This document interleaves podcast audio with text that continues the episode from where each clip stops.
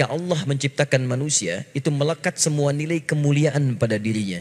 Yang itu mesti dipertahankan sampai kembali kepada Allah subhanahu wa ta'ala. Tadi kita berhenti di Quran surah ke-17 ayat 70.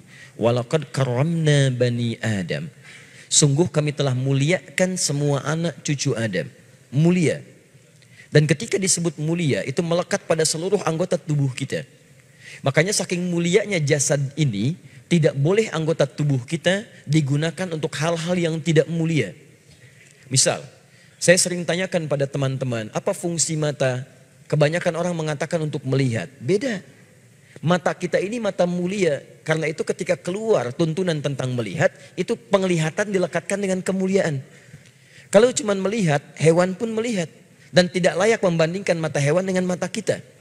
Karena mata hewan tidak mulia sekalipun melihat, maka itu dia tidak dihisap. Tidak dihisap, tapi mata kita dihisap. Saking mulianya. Quran surah 17 ayat 36. Inna sam'a wal basara wal fu'ada kullu ulaika kana anhu mas'ula. Sungguh pendengaran manusia, penglihatannya, bahkan apa yang ia fikirkan itu akan dihisap dan ditanya oleh Allah Subhanahu wa taala.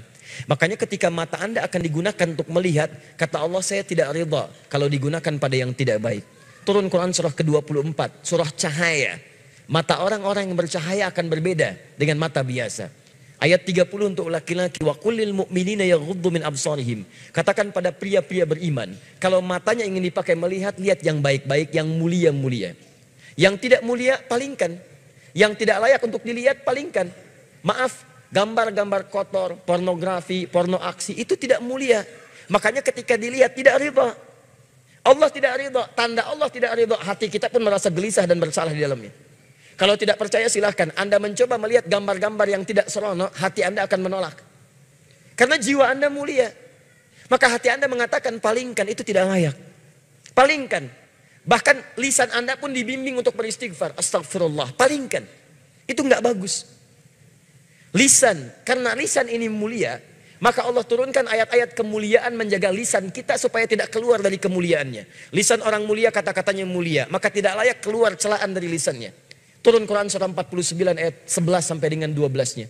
Ya ayyuhalladzina amanu dibuka dengan iman. Kalau ada ayat dibuka dengan iman, kalau isinya perintah, maka perintah itu jadi indikator tingkat keimanan kita. Kalau isinya larangan, maka larangan itu pun menjadi indikator tingkat keimanan kita. Kalau ada orang cepat menunaikan perintahnya, maka itu pertanda imannya kuat. Misal, ayat iman pertama di Al-Baqarah ayat ketiga. Alladzina yu'minuna bil ghaib wa yuqimuna. Iman disandingkan dengan solat. Ketika iman disandingkan dengan solat, maka solat menjadi indikator tingkat keimanan seorang hamba. Allahu Akbar, Allahu Akbar. Anda teringat langsung ke masjid. Iman Anda standar. Standar. Orang yang baru ingat Allah ketika dipanggil itu standar. Bukankah Anda masuk kampus jam 7, datang jam 7 standar kan? Pas. Kalau Anda datang jam 6, waktu jam 7, Anda hebat namanya, lebih awal. Ada orang bahkan sebelum adzan sudah ingat sholat, itu imannya sedang tinggi. Tapi ketika dipanggil sampai adzan tuntas belum datang. Sampai komat berlalu belum terpanggil. Sampai dekat waktu sholat yang lainnya belum ada getaran. Ini menunjukkan iman Anda lemah di situ lawannya ketika ada larangan dibuka dengan kalimat iman, maka kemampuan Anda meninggalkan larangan itu itu pun menunjukkan tingkat kekuatan iman Anda. Ya ayyuhalladzina amanu la yasr qaumin qaum. Hei orang-orang beriman jangan saling mencela. Ketika Anda mengaku beriman dan lisan Anda digunakan untuk mencela orang lain, maka ini menunjukkan ada yang kurang dalam iman Anda, lemah iman Anda. Anda terlihat rajin sholat, di situ menunjukkan iman Anda bagus. Tapi saat bersamaan Anda mencela orang lain, ini menunjukkan ada penurunan dalam iman Anda. Karena ibadah ritual akan nampak dalam nilai-nilai sosial dalam bentuk akhlak. Makanya Nabi memperingatkan orang yang melakukan ibadah ritual, tapi kemudian melakukan dosa sosial, maka ibadah ritual pahalanya dipindahkan kepada hamba yang didosai itu. Anda keluar dari masjid, kemudian melecehkan orang lain dengan kata-kata Anda. Lihat tuh orang itu, belum mau ke masjid, iya. Mungkin belum dapat hidayah ya, iya. Bukan ahli surga, mm -mm. Itu sholat anda, pahalanya pindah kepada orang tadi. Tu'khadhu hadha min hasanati di hadis muslim, wa tu'khadha min, hadha min hasanati. Diambil pahala ini dipindahkan kepada orang yang dicela. Anda katakan, Alhamdulillah Ustaz, saya tidak seperti yang dibicarakan itu. Insya Allah, tidak seperti orang-orang itu tuh Ustaz. Membicarakan orang lain aja pekerjaannya sama.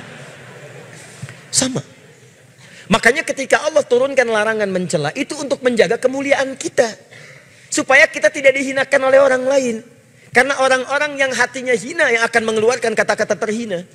Nah kita itu diciptakan mulia. Jadi ketika lisan anda mencela, anda sedang menurunkan kemuliaan anda di mata Allah subhanahu wa ta'ala. Catat itu baik-baik. Nah sekarang persoalannya, ketika Allah muliakan anda, justru anda menyandingkan kemuliaan itu dengan hewan yang jauh statusnya. Maka ini merendahkan kemudian ketetapan Allah subhanahu wa ta'ala itu yang sangat berbahaya. Itu yang paling bahaya. Yang layak kemudian diturunkan statusnya bahkan lebih daripada hewan itu hanya orang-orang yang tidak mau mendekat kepada Allah Subhanahu wa taala. Sampai turun Quran surah ke-7 Al-A'raf ayat 179.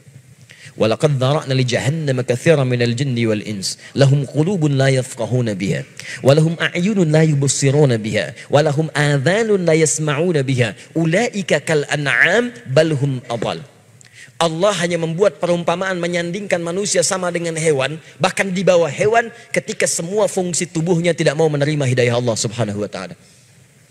Diajak untuk mendapatkan kebaikan, akalnya sulit menerima. Dengar azan, tutup kuping. Melihat orang sholat, alergi. Kalau semua itu dibawa sampai menghadap Allah, maka kata Allah status orang itu kalau tidak mau berubah lebih rendah dibandingkan dengan hewan. Lebih rendah. Lebih rendah. Maaf sekarang, ada orang-orang yang mengajak pada kebaikan, ngajak Anda sholat, ngajak Anda mendekat pada Allah, ngajarkan isi Quran, lalu Anda turunkan status yang menjadi sama dengan hewan. Ada yang salah dengan cara berpikirnya. Saya ingin sampaikan, kita mulai dari yang kecil-kecil dulu. Kadang-kadang kita membuat sesuatu yang tidak tepat dalam pandangan Al-Quran dan Sunnah Rasulullah SAW. Dan saat yang bersamaan uniknya Anda mengatakan kami ahli Quran dan Sunnah. Di mana Qurannya, mana Sunnahnya. Awas hati-hati. Ketika Anda pintar dalam urusan dunia, tapi awam dalam urusan agama, kadang-kadang keawaman itu bisa menurunkan status kepintaran Anda sampai tidak bisa mencerna logika yang sangat sederhana. Ingat, pintar itu anugerah, tapi bodoh itu pilihan. Paham sampai sini?